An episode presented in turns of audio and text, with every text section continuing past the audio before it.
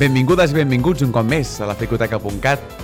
No em veieu, però estic somrient perquè torno a tenir el Nacho amb mi. Hola, què tal? Uh, benvingut un cop més. Te'n recordaràs de com va això o no? Sí, només... Oh, no ens veiem des de l'any passat, Víctor, en quant a podcast. En altres coses sí que ens hem vist, eh? Grrr.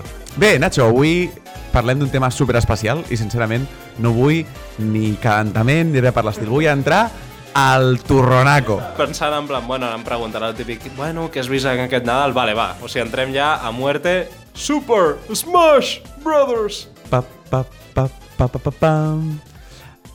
Anem per parts, perquè Smash Bros va començar a la 64 i això mereix ser explicat i, i, i treballat. Aquest programa va per llarg, així que poseu-vos còmodes, agafeu unes crispetes o poseu-vos a jugar a l'Smash mentre escolteu aquest programa. No sé si passa amb altres jocs, però en concret amb l'Smash, ara en sortim de la tangent, eh, però és que és bastant divertit, nosaltres, i suposo que molta gent li passa, ja és capaç de, quan ja juguen moltes vegades, és capaç com de parlar de temes que no tenen res a veure amb l'Smash, eh, jo què sé, parles de la vida, com t'està anant amb la, amb la nòvia, no? a la feina, no sé què, i ets capaç de mantenir una partida doncs, relativament ben bona, no? o sigui, sense fer tonteries. No? O sigui a que... això no em passa perquè no tinc nòvia.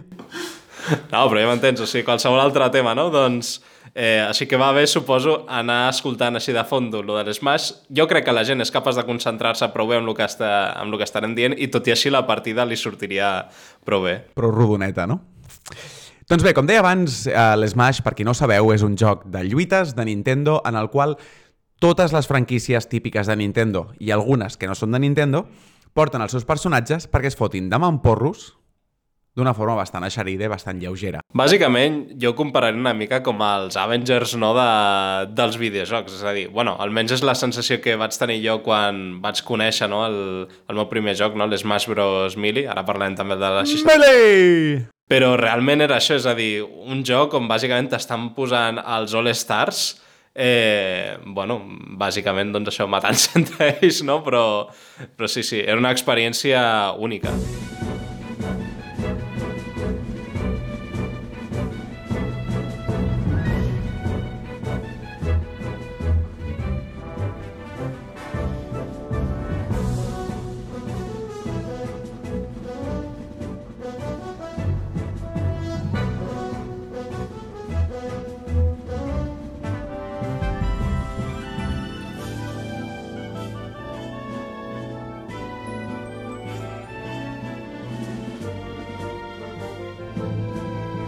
Per entendre els orígens d'aquesta saga, hi ha dos noms que són importants.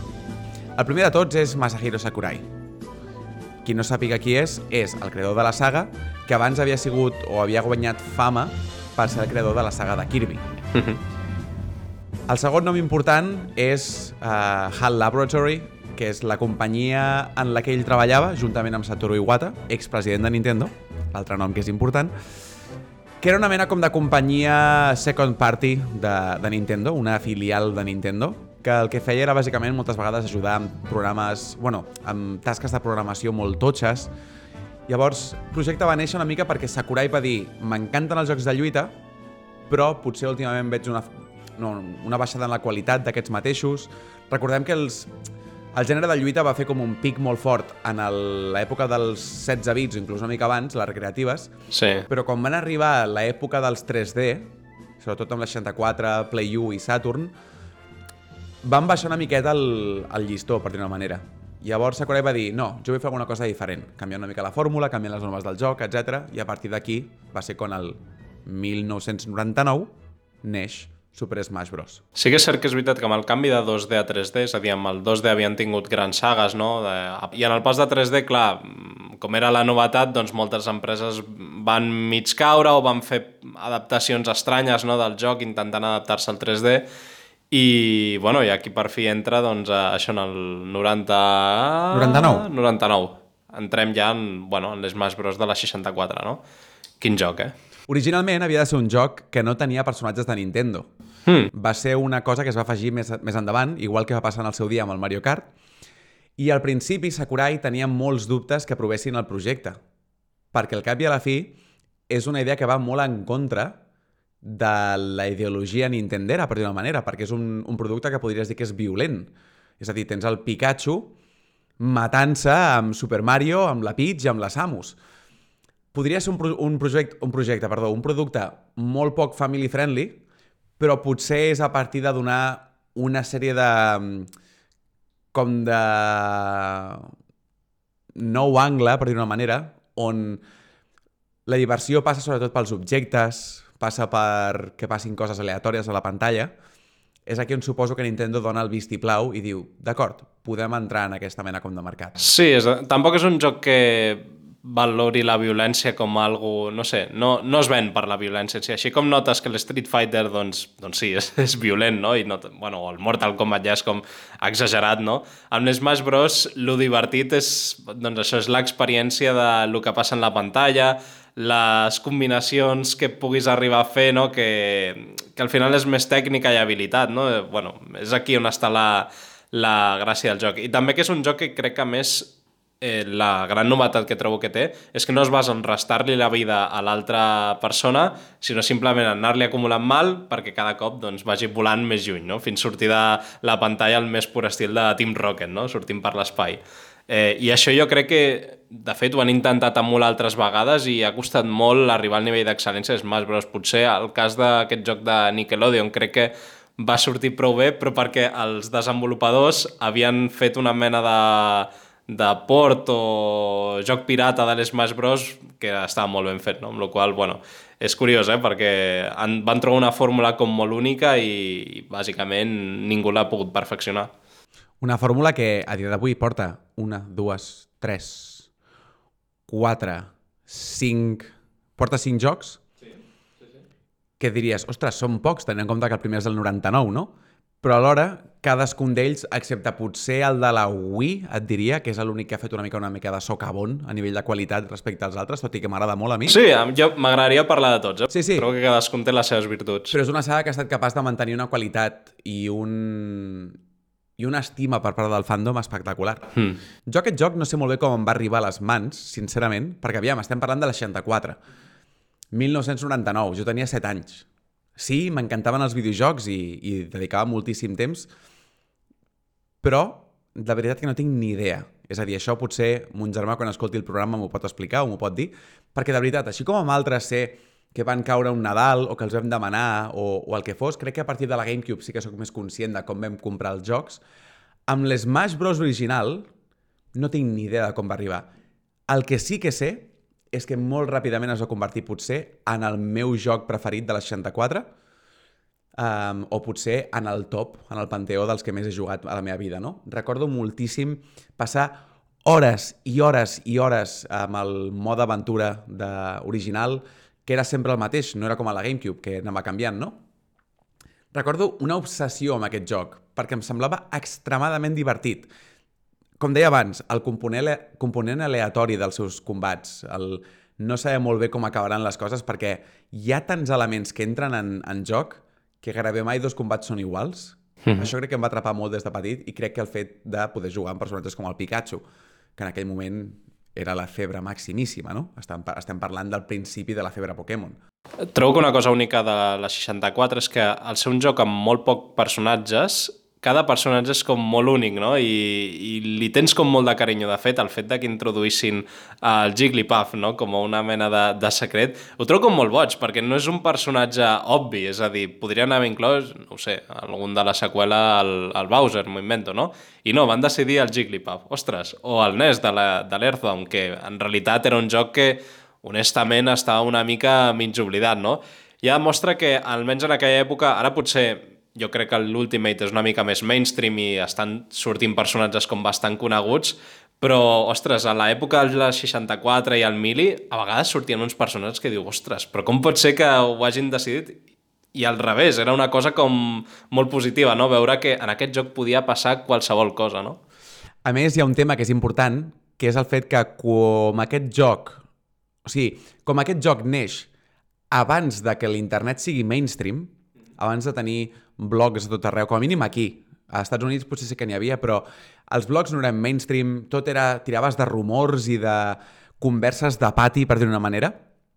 El tema dels personatges secrets, que en l'original eren el Luigi, el Falco... Ah, perdona, el Luigi, el Captain Falcon, el Jigglypuff i el Ness, que hi haguessin personatges secrets, els quals tampoc sabies molt bé d'on venien, era tot part com del misticisme del joc i ho feia com molt especial. De fet, una... De veritat penso, i estic com molt convençut, que si no fos per aquesta saga, si no fos per al Super Smash Bros., jo no seria ni de bon tros tan fan com sóc del món dels videojocs. Perquè hi ha moltíssimes sagues que avui en dia per mi són super especials, com podrien ser Earthbound, amb el NES, uh, Metroid amb la Samus, o Star Fox amb el Fox F-Zero potser t'ho va introduir. No, F-Zero coneixia d'abans, perquè la meva tieta tenia el de la Super Nintendo. Però bé, potser sagues que jo no tenia ni idea que existien, però de cap manera. I per mi van ser primer personatges de l'Smash, amb els seus escenaris i les seves cançons i els seus movesets, i després, va ser molts anys més tard, que amb el joc de la Wii, que tenia com les demos dels diferents jocs d'on venia cadascun, sí. vaig com connectar amb aquests jocs que jo no coneixia, que no havia jugat mai. I de veritat, o sigui, la meva obsessió per moltes de les meves sagues preferides comença amb un enamorament per al carisma d'un personatge i trobo que aquí hi ha una feina importantíssima de portar-los al joc i introduir-los d'una forma que és, no sé, com amb molt de carinyo i amb molta estima per aquests personatges. Perquè tu mateix ho has dit. Quan va sortir aquest joc, Earthbound era un joc que havia tingut èxit al Japó, havia sigut un fracàs comercial als Estats Units tremendo, i a Europa no havia ni arribat. O sigui, imagina't el misteri de qui és aquest xaval de la gorra del yo-yo i del PK Fire. És el nen que està realitzant totes les escenes de l'Smash, no? És a dir, aquesta mena de, de nen que se suposa que està jugant amb les figures. Per qui sigui molt friqui d'això, el lore de l'Smash, per mi, el canon, és que al final és un tio que està jugant amb monigotes. No té més, no hi ha cap mena de misticisme de la Master Hand, el tabú, el déu del bé i del mal... No, jo em quedo amb el lore de que és un xaval que té les seves flipades i s'ho està passant bomba. Sí, sí, tal qual, igual com a la Lego pel·lícula. Exacte. Que tens aquesta persona que té el seu món, el seu garatge i, i ja està. A mi, mira, just en el que deies abans, em va passar, sobretot amb el Mili, vaig començar a descobrir una de sagues xules, com per exemple F-Zero, Star Fox, etc etc. gràcies a això, a jugar primer al Mili, interessar-me per un personatge, perquè, ostres, perquè és molt xulo, no? I a partir d'allà, doncs, buscar on venien el joc i, i agafar-lo. Així que eh, s'ha de reconèixer que l'Smash té com aquest poder de, de com dir-ho, de difusió, no? De que a, a partir del joc base és capaç de crear branques a tots els multiversos no, que té Nintendo i ara podem dir d'altres consoles, no? Difusió i també conservació. I d'aquí és on entra com la seva pròpia relació. Nintendo, o sigui, Nintendo té una relació super estranya amb la seva pròpia història. És com que nega la seva existència a l'hora que la reconeix i ens té sempre una mena com de ni sí ni no. Perquè, per exemple, amb el propi Earthbound, un joc que havia passat sense pena ni glòria a tot arreu excepte al Japó, al Japó, i decideixes portar el NES en aquest joc. I de sobte fas que la gent s'obsessioni amb aquest joc i es converteix en una de les sagues més estimades del món mundial. O sigui, el fandom d'Earthbound és la cosa més intensa que et puguis imaginar, perquè a mi m'encanta i a vegades penso, calma, xatos. Ells propis ho van provocar i avui en dia tampoc són capaços de reconèixer el fandom i de fer, jo que sé, un remake o alguna cosa per l'estil. De fet, la... els jocs de Super Nintendo van arribar a la Switch, amb el Switch Online, fa com, no sé, 4 anys, i l'Earthbound va sortir l'any passat. Saps, saps què dius?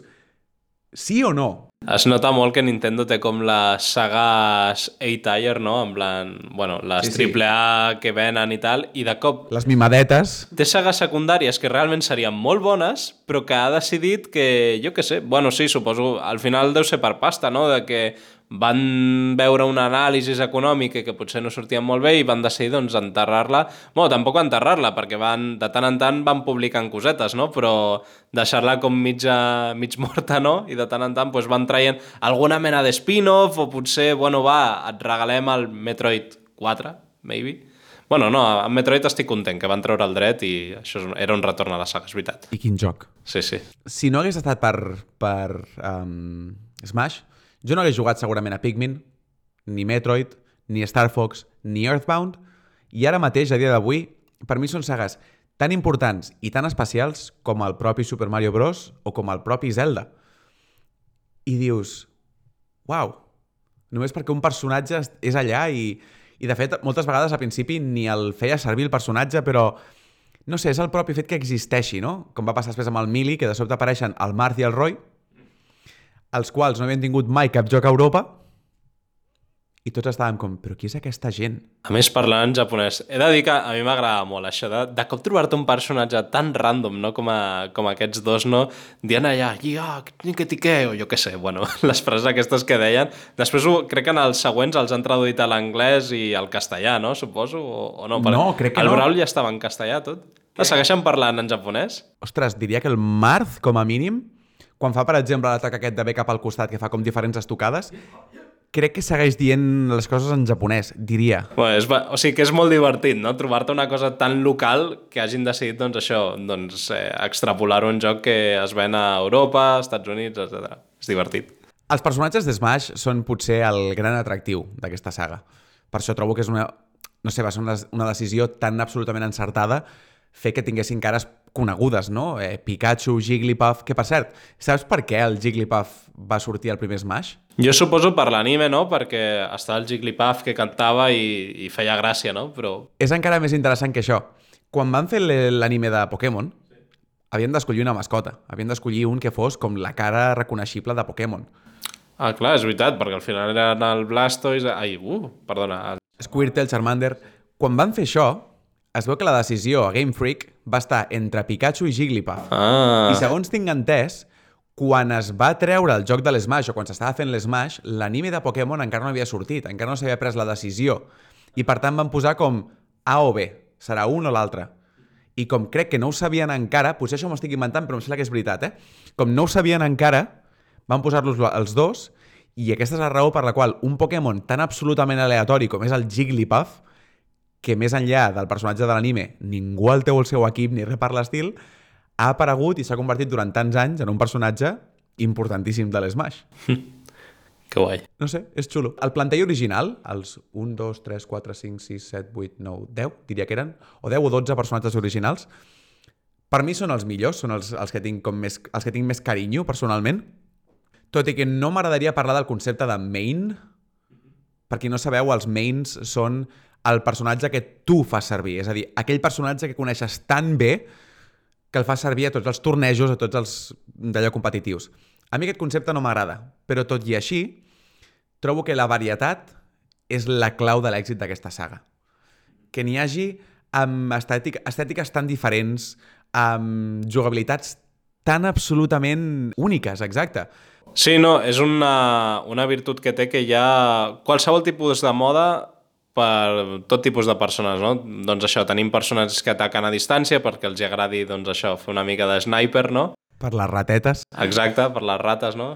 És que, bueno, jo sóc molt de personatges de distància, eh? Megaman Match. Ja, ja tinc un paràgraf aquí només parlant del Mega Man. D'acord. Els que són més així bèsties doncs tenen el seu Donkey Kong, no? el seu Bowser, no? per anar en plan, doncs això, en plan tanque.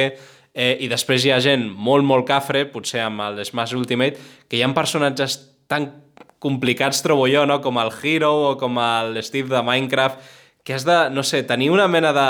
No, no sé com has de tenir al cap per bueno, jugar bé amb aquests personatges perquè els trobo complicadíssims. Has de fer un màster a la WOC. Potser ja m'he fet bé i no, sé, no estic en l'època del TikTok, però em semblen, no sé, personatges ultra complexos. Però, bueno, deu haver-hi gent que els deu gaudir molt jugant i segur, perquè he vist vídeos de gent que, ostres, has, ho desenvolupen d'una manera que flipes, no?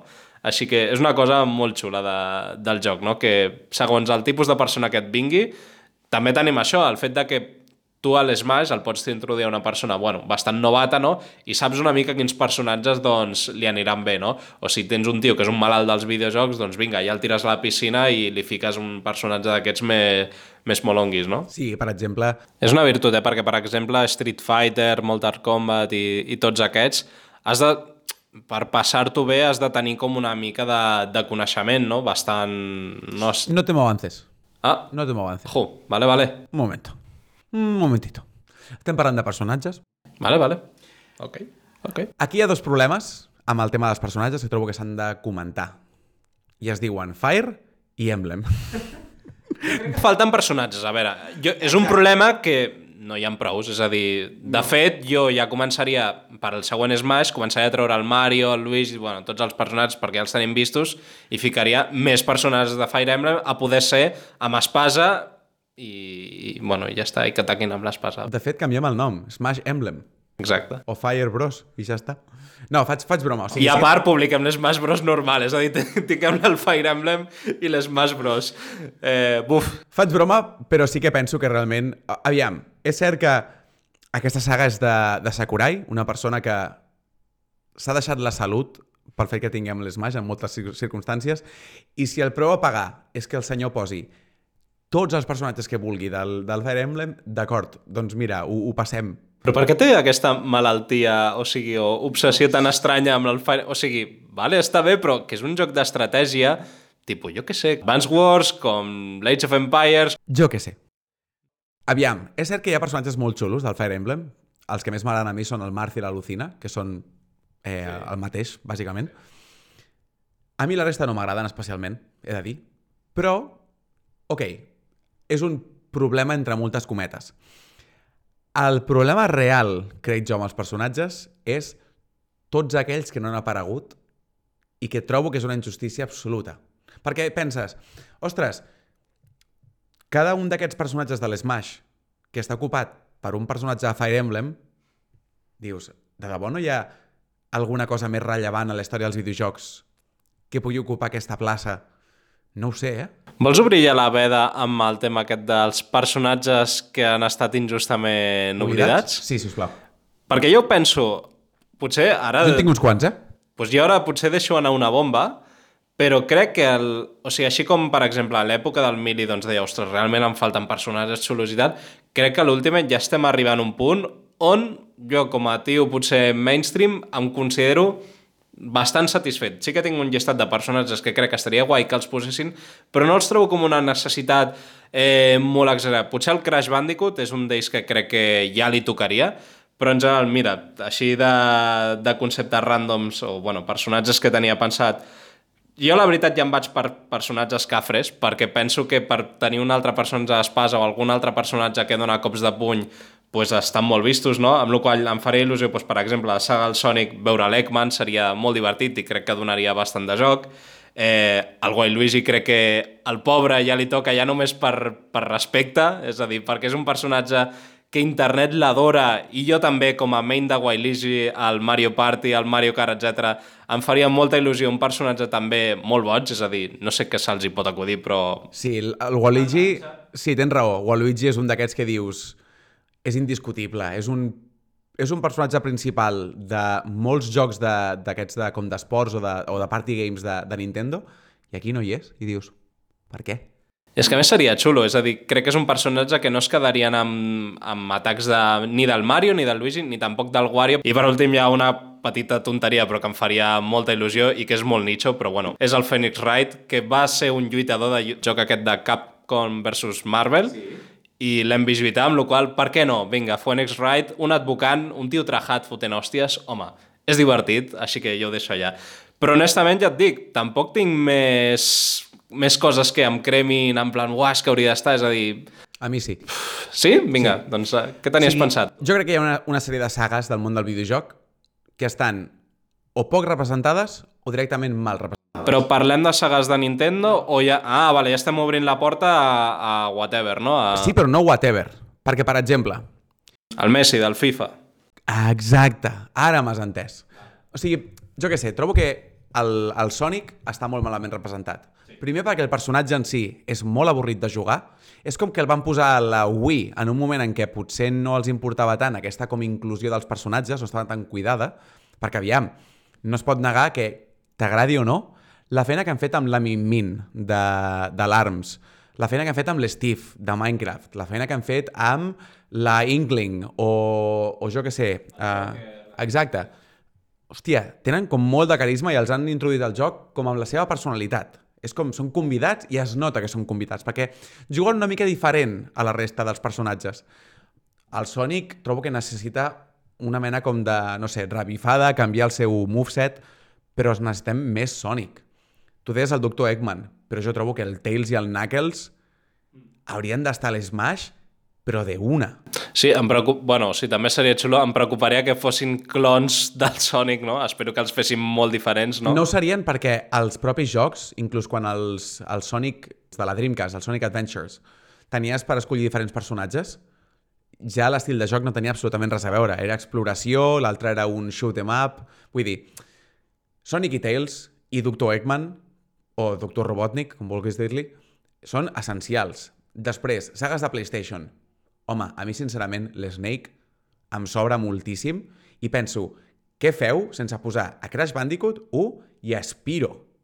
Spiro seria super divertit, perquè és un personatge que més va a quatre potes, molt horitzontal, molt de volar, podria ser com molt guai, projectils i càrregues, no ho sé. D'altra banda, penso en el Rayman. Que Rayman no estigui en aquest joc, amb lo fàcil que seria... De fet, quan està jugant els últims Raymans, els Raymans Origins, el seu moveset de patades, punys, volar, està cridant Smash constantment. És com, si us plau, convidem-me. I és com, de veritat? O sigui, aquests tres últims que he dit, eh, Spiro, Crash i, i Rayman, són tres de les mascotes més importants de la història del videojoc. O sigui, el Terry de King of Fighters me la porta fluixa. El Joker de Persona també me la porta fluixíssima. Què feu en aquest joc? O sigui, si haguéssim vingut després de tots aquests, benvinguts. Però estan ocupant una sèrie de llocs que per mi no... O sigui, l'Steve del Minecraft, tot i que a mi no m'agradi, penso, òbviament que ha de ser allà, perquè és un dels jocs més importants de la història. Però també és una mica... A mi m'agrada el fet de que fiquin personatges... Eh, ho podríem dir poc coherents, no? És a dir, el fet que estigui la planta piranya, jo ho aplaudeixo, molt fort. Però la planta piranya sí, òbviament, perquè és Nintendo. I és, és, és deliciosa. O sigui, el concepte de la planta piranya, quan va sortir amb la reserva del joc, va ser com un... Uau, em flipa. El que, el que vull dir és que no m'agradaria que en els futurs jocs, que no, no sé si hi haurà, perquè el pobre eh, el Satoru Iwata ha dit en plan, bueno, xau, deixo les... Bueno, Iwata és mort, vols dir Sakurai.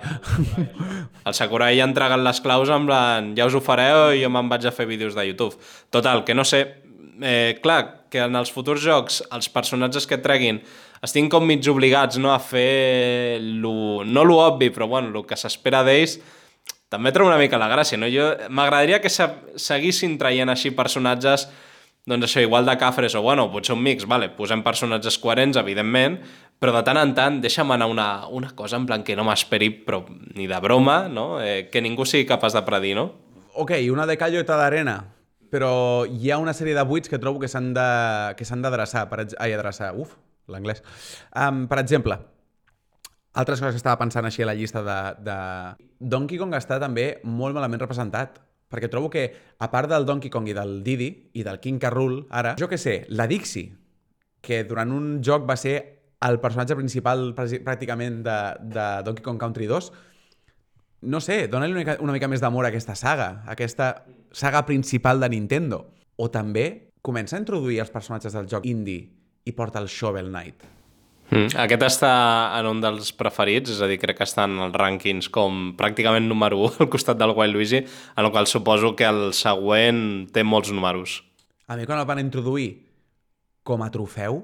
Oh, el tema dels trofeus Ai, indica... com a trofeu, no, perdona, com a... Sí, ajudant. assist. Sí. sí. És un tema que, ostres, em fa amb bastanta ràbia, eh? perquè cada vegada que treuen un ajudant és en plan, bueno, ja m'estàs confirmant que no serà personatge principal, amb la qual gràcies, però, però no, no, no et donaré les gràcies perquè m'has trencat el cor. I després un personatge que moltes vegades he pensat que molaria moltíssim seria com a l'entrenador Pokémon, però amb el que serien els, els sidekicks del, del Bowser. Ah, sí. És a dir, que fossin un Shy Guy, un Copatrupa, un Goomba, i que els tinguessis tots alhora i una mica com, com la Chic i la Zelda o l'entrenador Pokémon, que pots anar canviant d'una forma a l'altra i anar fent diferents... Sí, seria, seria divertit, amb el Kamek, no? I, Sí, sí, crec que seria com molt guai, com molt divertit de jugar, crec jo. Però bueno, el tema és que tu i jo moltes vegades hem escollit els personatges al tuntun. És a dir, nosaltres juguem en... moltes vegades juguem en aleatori i ens toqui el que ens toqui estem contents perquè juguem d'una forma poc competitiva. Però amb els objectes tenim una perspectiva diferent, crec jo, no? No, a veure... Oh, Diferent al de molta gent. Crec que tu i jo estem d'acord amb com els fem servir. de, no, però en el tema dels objectes al final depèn una mica del tipus de partida. Vull una partida, per dir-ho així, més o menys controlada, on la importància sigui en la lluita amb els personatges, doncs, doncs jo ho faria sense objectes. Vull el caos absolut, és a dir, passar-m'ho bé en, el, en les borrades que puguin arribar a passar, no? fent el cafre eh, i que guanyi no l'habilitat sinó purament doncs, la sort, no? Quasi. Eh, aleshores, partides amb objectes i, bueno, i que aquí surti doncs, un Lugia, el, el Isaac del Golden Samurai, que aparegui un gos enorme del Nintendo tapant de la pantalla, un martell, eh, l'estrella... Bueno, sí, eh, és graciós, però sí que és cert que com a una partida estàndard, doncs potser hem arribat a un punt on és massa. Jo a l'època del Mili no ho veia tan malament, o potser amb, amb objectes a nivell baix doncs estava bastant bé. Ara sí que és cert que, que crec que hem arribat a un punt on, on s'ha desbordat una mica, no?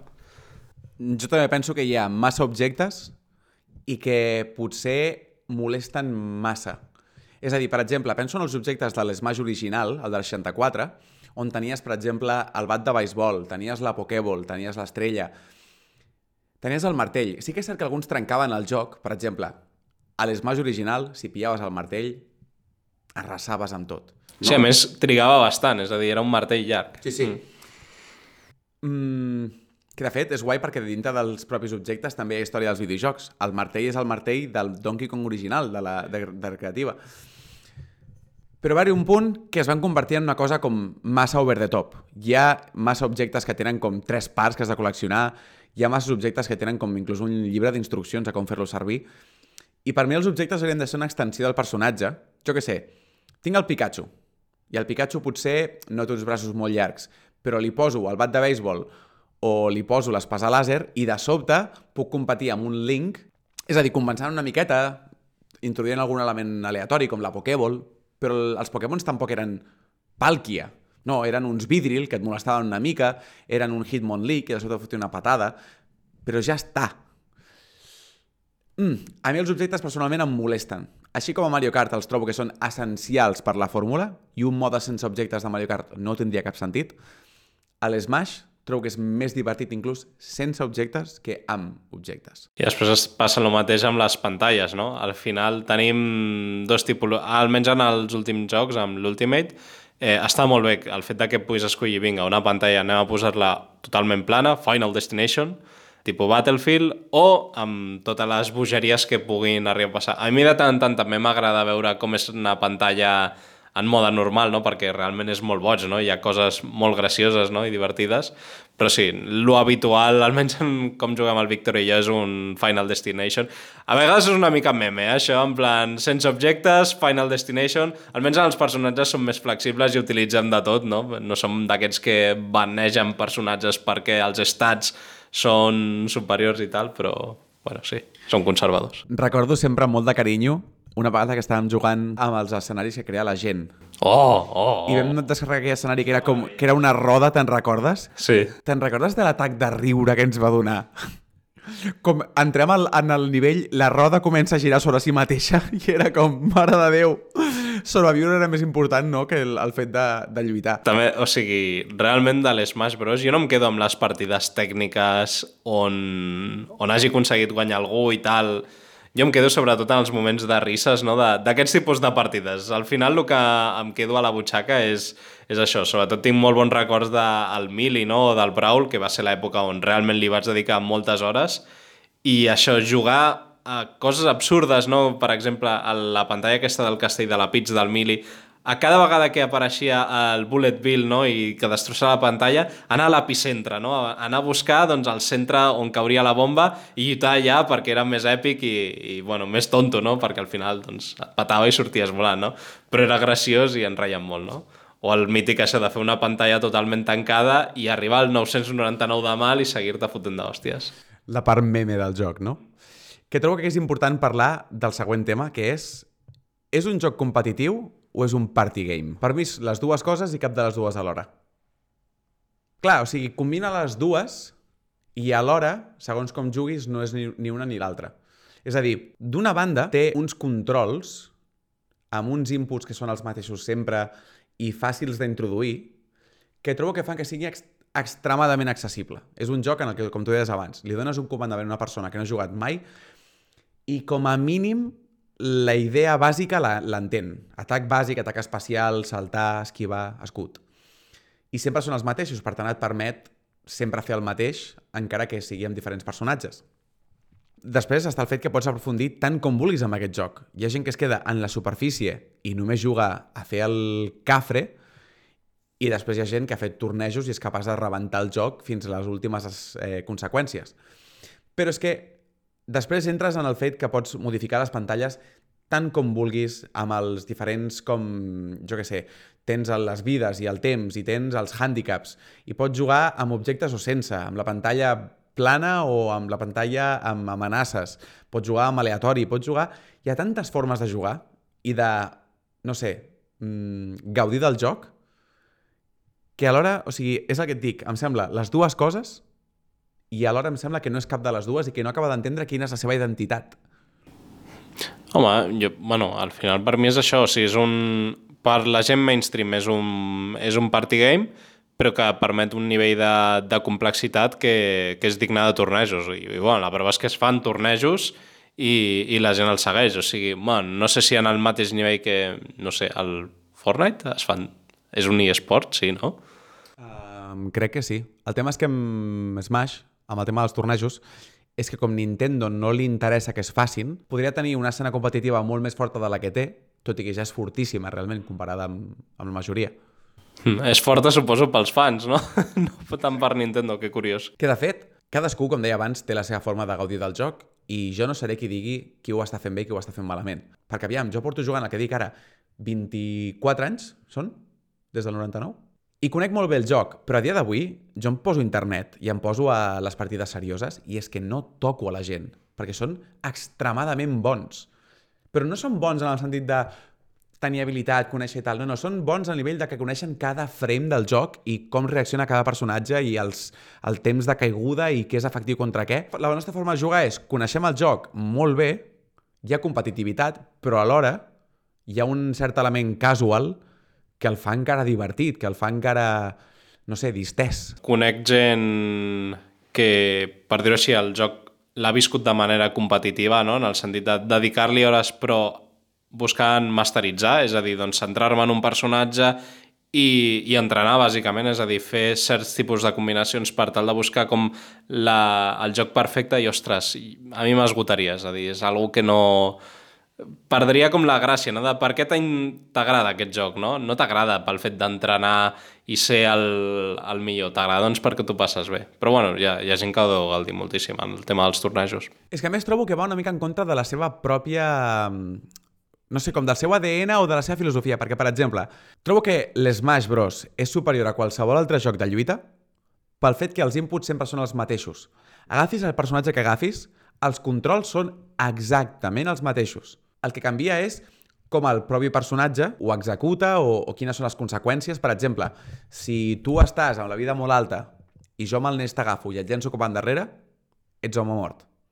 Però, per exemple, amb el Mario, no, amb el Mario també, bastant, bastant fort, però per exemple amb el Pikachu, si faig el mateix i t'agafo i et tiro cap endarrere, pràcticament ni et moc.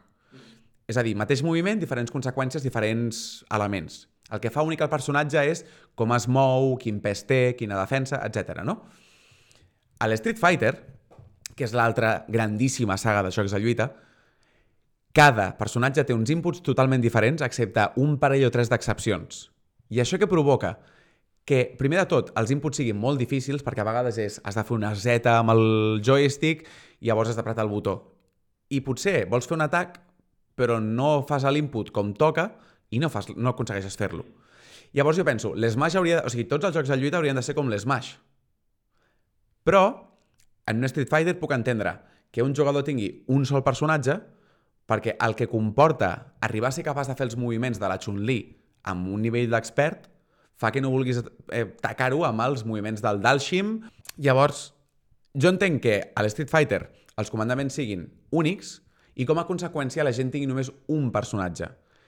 Però per això dic que l'Smash, la forma que juguem tu i jo potser és la més xula, perquè aprofitem el fet que els comandaments són sempre els mateixos i com juguem en aleatori amb els personatges, cada combat és totalment diferent de l'anterior i a cada combat has, com de, has de com reajustar la teva forma de jugar i el, la teva mentalitat.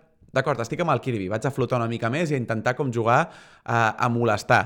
D'acord, estic amb el Mario, vaig a ser agressiu a saco. No sé, per això dic que és més compatible amb l'ADN i la filosofia de Smash.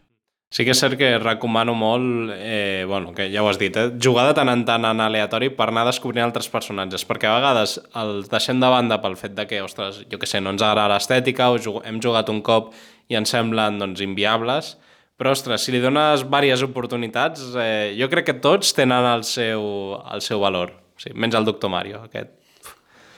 Sobretot des del punt de vista de passar-t'ho bé. Trobo que és important parlar de l'element de la música d'aquest joc un cop més funciona com a, crec que com a panteó o com a biblioteca de la història dels videojocs. I eh, un cop més, és un element que es podria haver tractat sense gaire, sense gaire esforç, inclús podem agafat cançons molt, molt genèriques o agafar només un parell o tres. Ostres, és que tens eh, remixes de cançons des de, que són des de fa la tira d'anys. Tens medleys, eh, els propis temes de l'Smash, per exemple, el tema del Mili és una passada. Trobo que la música la música d'aquest joc eleva l'experiència d'una forma que potser donem per sentada moltes vegades i a mi em sembla molt especial, perquè, per exemple, amb els meus cosins, que són amb qui juguem més aquest joc, moltes vegades ens aturem un segon a escollir la cançó abans d'entrar a la pantalla, saps? No sé, trobo que és una part molt especial del joc que diu diu molt de com s'ha cuidat la saga, perquè qualsevol altre estudi hagués fet un... Bé, i jo què sé, tres cançonetes i ja està. No, no, estan, entre moltes cometes, totes, amb versions i amb... Oh! Jo sí que és cert que en els últims jocs no li he seguit tant la pista, els remixes o la quantitat de cançons que hi ha, però ja no només... La pista. Oh, jo... Ja no només, o sigui, ja només amb, el, amb l'Smash Bros. Brawl vaig al·lucinar.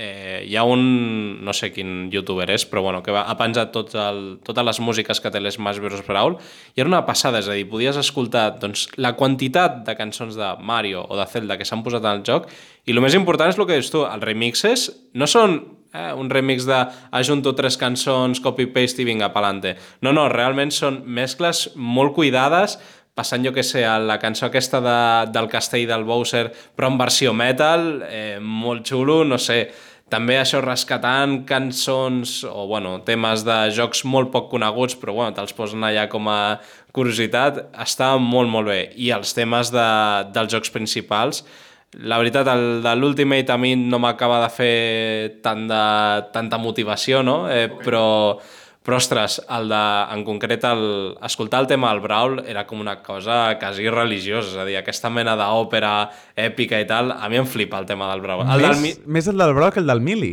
El del Mili m'agrada molt, però el Mili m'agrada per altres coses. Però si estem parlant de tema principal, per mi el tema del Brawl és com... O sigui, el tema de Final Destination... Amb... Buah.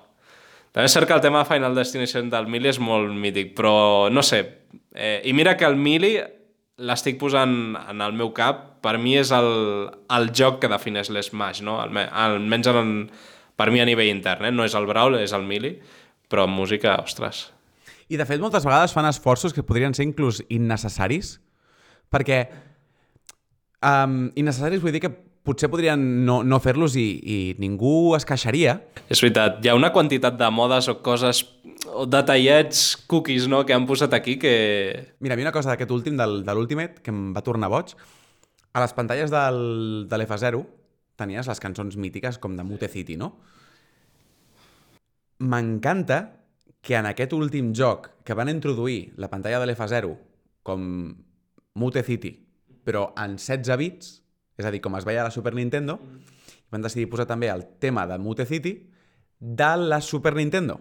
És a dir, no el tema metalero de F0GX, eh, no, no, el tema 16 bits de la Super Nintendo de, de l'escenari del, del Captain Falcon. És un dels meus preferits de tots els temps i et posa la pell de gallina quan hi jugues. És com, que guai! I és això, podrien no haver-ho fet sense cap problema, perquè aviam, al cap i a la fi, en aquest joc, que per cert, un altre personatge que m'encantaria que estigués en d'allò seria el, el samurai Goro, que és un, que és un, tro, és un assist i trobo que també hauria de tenir com més presència. Però com més un personatge amb espasa, he dit, ostres, mm, m'estava pensant, eh? He dit... Sacrifiqueu un parell de Fire Emblem i ja està. Però és això, o sigui, en aquest últim joc, el Captain Falcon tampoc era molt important. És a dir, fa 20 anys de l'últim F0, potser no calia ni... Però, escolta'm, un nou escenari i li posem la musiqueta xula pues se agradece, la verdad. Sí, no sé. Quin seria el teu preferit? De... De personatge? No, de joc. De joc jo em quedo amb el... Li he estat donant voltes abans i em quedo amb el Mili. El Mili és el joc que per mi va va arribar al punt perfecte en quant a jugabilitat, experiència amb amics, eh, personatges, no ho sé, el trobo rodó. També en quant a modes de joc, trobo que el mode aventura de, del Mili eh, era divertidíssim, tot i que al final era sempre el mateix, no? Però, no sé, li tinc com un carinyo molt fort. Eh, Jo crec que m'estic guiant molt per la nostàlgia i no com a qualitat de joc, però el Mili amb mi va ser una, o sigui, una experiència, és a dir, hi ha un abans i un després després del Mili. El Brawl també em va agafar molt fort i potser li, no sé si li ha dedicat més hores de joc, tinc els meus dubtes, jo potser més amb el Mili, però, però sí, el, estaria allà. I l'Ultimate crec que és un joc molt bo, és a dir, a nivell de jugabilitat com a depuració crec que és, a, que és perfecte, és a dir, crec que és a on havia d'anar l'Smash, però clar, eh, a nivell d'experiència sentimental no m'ha agafat tan fort. Però crec que si, o sigui, ara per nouvinguts, si heu d'escollir un joc, escolliu l'Ultimate, perquè al final és el que han depurat més la tècnica i on podeu cancel·lar coses no, que potser són molestes. Això és veritat, s'ha de dir. Una cosa que molesta molt d'aquest joc, d'aquesta saga, és que els controls són molt diferents d'un joc a l'altre. Sí, Canvia completament. també. O sigui, jo em considero molt competent en l'Ultimate, per exemple, o el de la Wii U, és a dir, sóc capaç de fer coses bas- bastant xules, de controlar els personatges i tal. Ara ens posem en el de la GameCube, per exemple, i la pallissa que em fots és espectacular. No, no, em matxacaries, Nacho. O sigui, de veritat, eh? O sigui, és que no et tocaria pràcticament, perquè els controls són tan diferents i realment la sensació del control i, de, i del, per exemple, el pes, la velocitat, la reacció inclús de com de ràpid agafa el comandament el que tu apretes, és tan diferent d'un joc a l'altre que de veritat que sóc incapaç d'adaptar-me als anteriors. O sigui, per fer un anàlisi super ràpid i una mica xapucero, crec que potser el Smash de la 64 és com un joc més lent o més, no sé, els personatges com que pesen més, els atacs fan com més mal i tal. El Mili és una cosa molt frenètica, és a dir, tot va com molt ràpid i els personatges no sé, crec que les reaccions són com molt, molt ràpides en general, no sé. I a més em sembla que és una mica un error, que no volien fer-ho així, segons tinc entès. Podria ser, eh? sí, sí. Després el Brawl tot flota molt, és a dir, és com un joc lent on el temps va com més lent, és la sensació que tinc. I et pots entrebancar i caure, Sí, també, que és una cosa que que veia decisió de merda. va, almenys ho van corregir. El de la Wii U jo crec que aquí van agafar com el balanç perfecte, però clar, com ha sortit l'Ultimate, el de la Wii U ara ha quedat oblidat, perquè al final no deixa de ser com l'Ultimate però una miqueta rebaixat, no? De fet, l'Ultimate és el de la Wii U, Però... però más i mejor. persones, sí, sí. Ah, una cosa és veritat, que no hem parlat de, del Brawl, és que té una cosa que a mi em fa una pena tremenda, que és el mode aquest del subemissari espacial i tot això. Sé que a tu no t'agrada gens, no? Crec que no, no t'agradava, no? A mi sí que m'agradava. Ah, sí? Ah, bueno, perdó, doncs devia parlar amb algú altre. A mi em flipava molt aquest mode i és una pena que no ho vulguin fer perquè, segons el que tinc entès, perquè es van filtrar vídeos de les cutscenes a YouTube i és en plan, però, però tios, en plan, no sé, ja han passat bastants anys, ja, ja hem assumit de que les coses poden estar a YouTube pràcticament dos dies de que s'estrena un joc. En sèrio no em voldràs ficar un mode aventura així xulo amb cutscenes que no tingui cap sentit, perquè al final et mires el plot d'aquesta història i és un caos, però era molt divertit, o sigui, jo què sé, veure combinacions de l'Olimar amb el Captain Falcon, amb el Lucario, veient el Pikachu que interactua amb la Samus, era una cosa, buah, ah, sigui, com l'apoteosi. I estic d'acord, i estic d'acord. Sí, sí, sí. Ja et dic, com per mi el meu preferit és el, el de la 64, sobretot per un carinyo especialíssim que tinc al mode aventura original, que m'encantava perquè era sempre exactament el mateix. No canviava, però era molt divertit. Això trobo molt a faltar. I per tant, l'Smash de la 64 crec que es quedarà per sempre com el meu preferit, però et volia preguntar també per personatge preferit. Ah, només un? Sí, sí. Uah, no puc, eh? Mamma mia! Doctor Mario. Eh, ostres, és que clar, a més com ha anat canviant bastant el tipus de joc, no? A mesura que hem passat d'això, del Mili, del Brawl, etc etc, també ha anat canviant, no? Aquest personatge preferit segons el joc. Bueno, digue'm uns quants. M'estava basant en l'Ultimate perquè, bueno, perquè és l'últim, al final.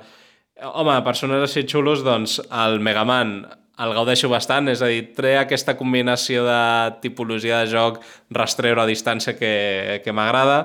Uh, el Captain Falcon és un personatge que m'agrada molt, però no sóc molt bo amb ell, però tot i això segueixo RQR perquè la... Show your moves! L'arrastro des del Mille i em fa molta gràcia aquesta mena d'estètica tan exagerada, no?, de dibuixos animats, quasi, eh, amb la qual és un personatge que li tinc molt de, molt d'apreci. I després algun personatge de Fire Emblem al final cau perquè també a l'època del Brawl, sobretot, eh, estava molt amb el Marth, amb l'Ike i tots aquests, amb la qual doncs sí, el Marth o l'Ike, o el Roy, eh, també l'utilitzo bastant, sí, sí. Home, clar, estadísticament ha de caure algun, no?, de Fire Emblem, vull dir... Sí, sí. No, a veure, és xulo, però clar, el tema ha sigut l'accés, no? I el Carrul, en el seu moment, em va agradar molt, perquè jo crec que quan es va estrenar l'Ultimate encara no estava depurat i era una passada. O sigui, jo amb el Carrul eh, recordo, bueno, no sé, que se'n donava bastant bé. Ara, no sé, el van comparxejar bastant i ara o sigui, m'ho passo bé, però clar, no era el d'abans on era un absolut passeo, no? Era, era divertit jugar, bueno, potser per això, perquè estava totalment trencat. Jo, si he d'escollir dos personatges, o potser tres, em quedaria davant una mica de com vagis, no? Si tires més per lo clàssic, um, de fet, gairebé tots els de l'original estan entre els meus mains, entre cometes, Tant puc agafar el Donkey Kong com la Samus, com el NES, que és m'agrada moltíssim. Però dels nous, si oblido els, els originals, que són els que més m'agraden, de la novetat, m'ho passo molt bé amb el Banjo-Kazooie. Trobo que és un personatge molt rodó, molt divertit de jugar, com amb moltes mm, coses diferents. I després m'agrada moltíssim també uh, la Inkling. Trobo que és, és que ja, ja et dic que a mi m'agrada divertir-me amb aquest joc. I tot i que m'agrada molt millorar la tècnica i ser capaç d'aprendre d'una partida a l'altra, m'agrada passar-m'ho bé. I amb la Inkling és molt divertit, perquè aquest, aquest gimmick de quanta més pintura té el teu contrari, més mal li fa el teu atac i més, el, més lluny el tires, però que alhora et quedes sense tinta i et quedes com molt en pilotes, no? com amb el Pikmin i sense... Ai, l'Olimar sense els Pikmin. No sé, trobo que és, és guai, és divertit. Jo el problema que tinc amb la English és que no sé jugar amb ella, és a dir, se'm dona, se'm dona molt malament. Però bueno, és com forma part d'aquests personatges que semblen molt xulos i que m'encantaria saber-hi, o sigui, aprendre a jugar, però, però bueno, també és que no tinc la Switch, o sigui que tampoc he tingut temps per depurar la tècnica. Doncs, ja per anar acabant, trobo que seria interessant explorar una mica en quins sentits trobem que la saga podria millorar en el futur. És a dir, o més que millorar, coses que farien que a nosaltres ens agradés. M'està fent molta por perquè el Nacho està com somrient de forma com, com molt trapella. T'he dit abans per WhatsApp que seria super polèmic amb aquest tema. Do it. Però, bueno, primer de tot, una de les coses que, que no donaria tant per sentat és si hi haurà una altra, perquè per lo vist... Absolutament. Sí, ha d'haver-hi perquè Nintendo al final veu que és una màquina de diners, però no sé, sense... I perquè al final hi ha tantes coses que són reciclables d'aquest joc o sigui, podries agafar el mateix joc que tens ara mateix, la mateixa base, com es mouen els personatges, quins són, etc i simplement afegir modes de joc, skins, um, el que sigui, que és segur que en faran més. Sí, no, no, no, estic segur, però bueno, sense el Sakurai i tal... Bueno, anem a veure què tal es desenvolupa, no?, el, quan surti la Switch 2, no sé. I al final, Sakurai potser no és el, el lead designer, però potser es queda com a consultor de la mateixa manera que Miyamoto ha estat consultor de Mario Galaxy, però no l'ha dirigit ell. Hmm. Clar, doncs jo estava pensant, cap a on pot anar la saga? Clar, jo estava pensant, a nivell de jugabilitat, honestament és que tampoc se m'acudeix que, que canviar, no? És a dir, a mi la metodologia, la metodologia de joc m'agrada, no vull que facin ara aquí un canvi de 180 graus perquè, ostres, ja no seria el mateix, no? Eh, pensava en coses així menors que, que de fet m'he donat compte que ja ho han introduït, però potser amb, no molta potència, que és el tema de realment poder editar els atacs dels personatges, és a dir, doncs, escolta, doncs tinc el Mario i que per cada tipus d'atac especial, doncs, jo que sé, que hi hagi un editor i tu puguis escollir com vols que sigui aquest Mario per jugar. Però, de fet, em sona que ja està. El que passa és que tampoc és una cosa molt forta, no? Per mi seria més aviat no una edició oberta, sinó poder escollir entre diferents versions. És això, sí, sí. I l'altra cosa, això ja et dic que és una broma, és una cosa que queda entre amics perquè sí, sí. és polèmic, però, no sé, arriba ja un punt on potser ja et fas gran i ja te la sua tot i dius, ostres, ja hem passat la barrera de, vinga, eh, ja no fa falta que siguin jocs de Nintendo, pot ser qualsevol cosa. Jo dic, a la merda tot, superem totes les barreres, siguem bojos i jo que sé, comencem ja a ficar el Darth Vader, el Goku, l'Srek, el Homer Simpson, no sé, és a dir, tornar-te ja molt boig. Vale, sé que m'estàs mirant amb una cara en plan, buah, estàs molt boig, però tu planteja't un tràiler de final de E3, eh, la, el icono aquest de l'Smash, es veu un món de, jo què sé, de, del Super Mario i tal, i de cop sona una porta i comença a sonar la cançó aquesta dels Smash Bros. de l'Smash... Eh, Els Smash Bros. Brawl? els Smash Mouth, no? Del Somebody once told me. És molt boig, Absolutament. és, és molt estúpid, però bueno, em faria molta gràcia com a, ja com a adult que me la, me la porta fluixa tot, doncs jugar amb l'Srec. De totes les coses que has dit en aquest podcast per molestar-me, aquesta... Oh! Però a veure, si ja, si ja hem passat la barrera de que qualsevol joc pot estar, per què no... Primer de tot, qualsevol joc, no. Ja ho hem parlat abans. I segon, estem parlant de jocs i de història de videojocs. Ni Goku, ni Naruto, ni Shrek, ni la mare que els va parir. No. Saps el que passa? Que potser el que trobo a faltar és que com la, el joc de l'Smash m'agrada tant, és com que, bueno, ara per què no, no ho sé, tastar aquest tipus de metodologia de jocs amb altres coses que m'agraden, no? que és sobretot el cinema, em semblaria com molt loco i, i molt divertit. Potser, vale, no és, el, no és el lloc, no? En plan, no, tio, ara, o sigui, no, no tocava ara, estàs en, jo què sé, estàs en un funeral i t'estàs rient a carcajada, doncs no, no ho facis, no? Doncs el mateix. M'ha passat. Do, doncs el mateix, potser aquesta idea, vale, no l'haurien d'aplicar a l'Smash, vinga, ara us llenço una nova idea per Nintendo qui vulgui, no? Doncs fer un joc de lluites amb personatges icònics del cinema, doncs seria molt graciós, no? Bueno, en fi. El tema és que cada, cada companyia, Ja, ja, ja. És, Per un, exemple, és infernal. A nivell... bueno, el de és una altra- Nickelodeon, va sortir, ara sortirà també un que es dirà Multiversus, que és amb el Batman, el Shaggy, Ja, però... que és com... Ok, bueno. Sí, sí, no, és, o sigui, el multiversus crec que el concepte és molt xulo, el que passa és que crec que el joc no està depurat al 100%, per lo que m'han dit. Idea. Doncs jo vull un joc depurat com l'Smash, no? però en aquest sentit. És veritat que el tema dels drets és una cosa que fa pena, no? que a l'Smash Clar, l'Ultimate ha sortit molt bé, però en realitat sembla que a nivell legal és un cacao, però d'una manera tan bèstia que, clar, no sé, o sigui, ficar a vegades un personatge sembla com, no sé, has de pensar quasi com una mena d'advocat amb la nostres. Quines probabilitats hi ha de que surti aquest personatge si aquesta companyia és més o menys flexible a l'hora de cedir els drets? I és una pena, no?, que hi hagi aquesta mena de- d'estrès, no?, però, bueno, ja veurem. Trobo... Jo continuaria, per exemple, amb el fet que el joc necessita un bon mode història. És a dir, un mode història en el qual tu tinguis un personatge que esculls, que esculls tu i la història sigui coherent, que hi hagi, com dius tu, um, cutscenes, i hi hagi, cony, mm, varietat de joc, i hi hagi... Perquè, per exemple, el d'aquest últim, el tràiler prometia molt, però després el mode història és un nyap com una casa. Sí, no, deixa de ser com el mode clàssic, no? És a dir, és pff, lluita, lluita, lluita i ja està. acompanyant el mode història, més modes de joc. Modes de joc divertits, modes de joc fets i pensats perquè la gent s'ho passi bé, no? Um, una cosa que em va agradar moltíssim d'aquest últim va ser el, el mode Squad Strike, que cadascú agafa 3 o, 4 perso- o 3 o 5 personatges i quan me'n tombes a un, em surt el següent. I és a veure qui aguanta en peu amb els seus 5 personatges o 3 personatges. Doncs més coses així. Més modes de joc que et permetin explorar el joc i descobrir-lo de diferents maneres i que convidin més a la forma casual de jugar. Perquè a vegades sembla que, un cop més, Nintendo no sap què està fent i d'una banda no vol que l'Smash tingui una escena competitiva en els esports, però alhora sembla que el main focus o el, el principal esforç del joc està en que la gent competitiva i la gent pro estigui contenta. I és com... Aviam, ni una cosa ni l'altra. Cuida els dos aspectes i ja està, no ho sé. I després, així com a títol personal, m'encantaria que es recuperés el mode clàssic d'aventura del de la 64, però idèntica com era.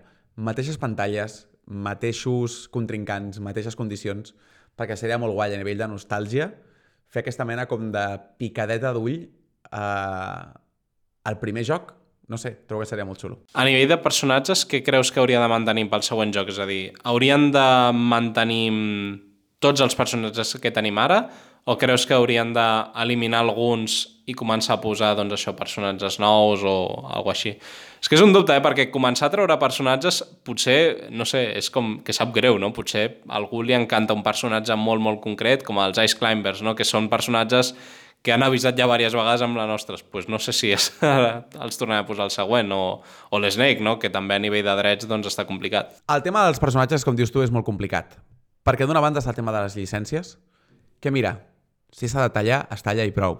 Perquè jo potser perquè no els faig servir tant, però per mi no és essencial que el Cloud, el Terry, el Ryu, el um, Sephiroth, no em semblen essencials personalment. Jo, si haguéssim de fer un tornar només a Nintendo, apretar, la, o sigui, apretar el fre i tornar només a Nintendo, a mi no em molestaria, sincerament.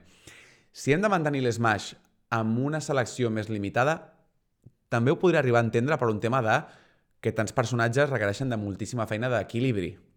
Ara bé, per mi, l'ideal seria que cada joc que surti tingués el mateix número que l'anterior, més, o sigui, exactament els mateixos, més afegits. O sigui, al final, quan comences a tallar, algú el cabrejaràs. I t'estaran matxacant per internet o per Twitter fins a l'infinit, no?, de per què m'has tret X personatge. Doncs bueno, això és tot per avui, no? Sí, sí, no està mal, eh? Alguna cosa més a dir sobre... Res, que m'han entrat moltes ganes de fer un Smash. Podem fer-ne un, si vols, ara, abans que marxis. Sí, com sigui, això ha estat el programa sobre Smash Bros. Esperem que us hagi agradat i, no sé, que proveu el fet de jugar amb aleatori, perquè de, de veritat és molt divertit. Com sempre, ens podeu seguir a Twitter, a la barra baixa fricoteca, la primera amb K i la segona amb C. Jo he estat el Víctor, com sempre. I el Nacho? I això ha estat la fricoteca.cat. A reveure!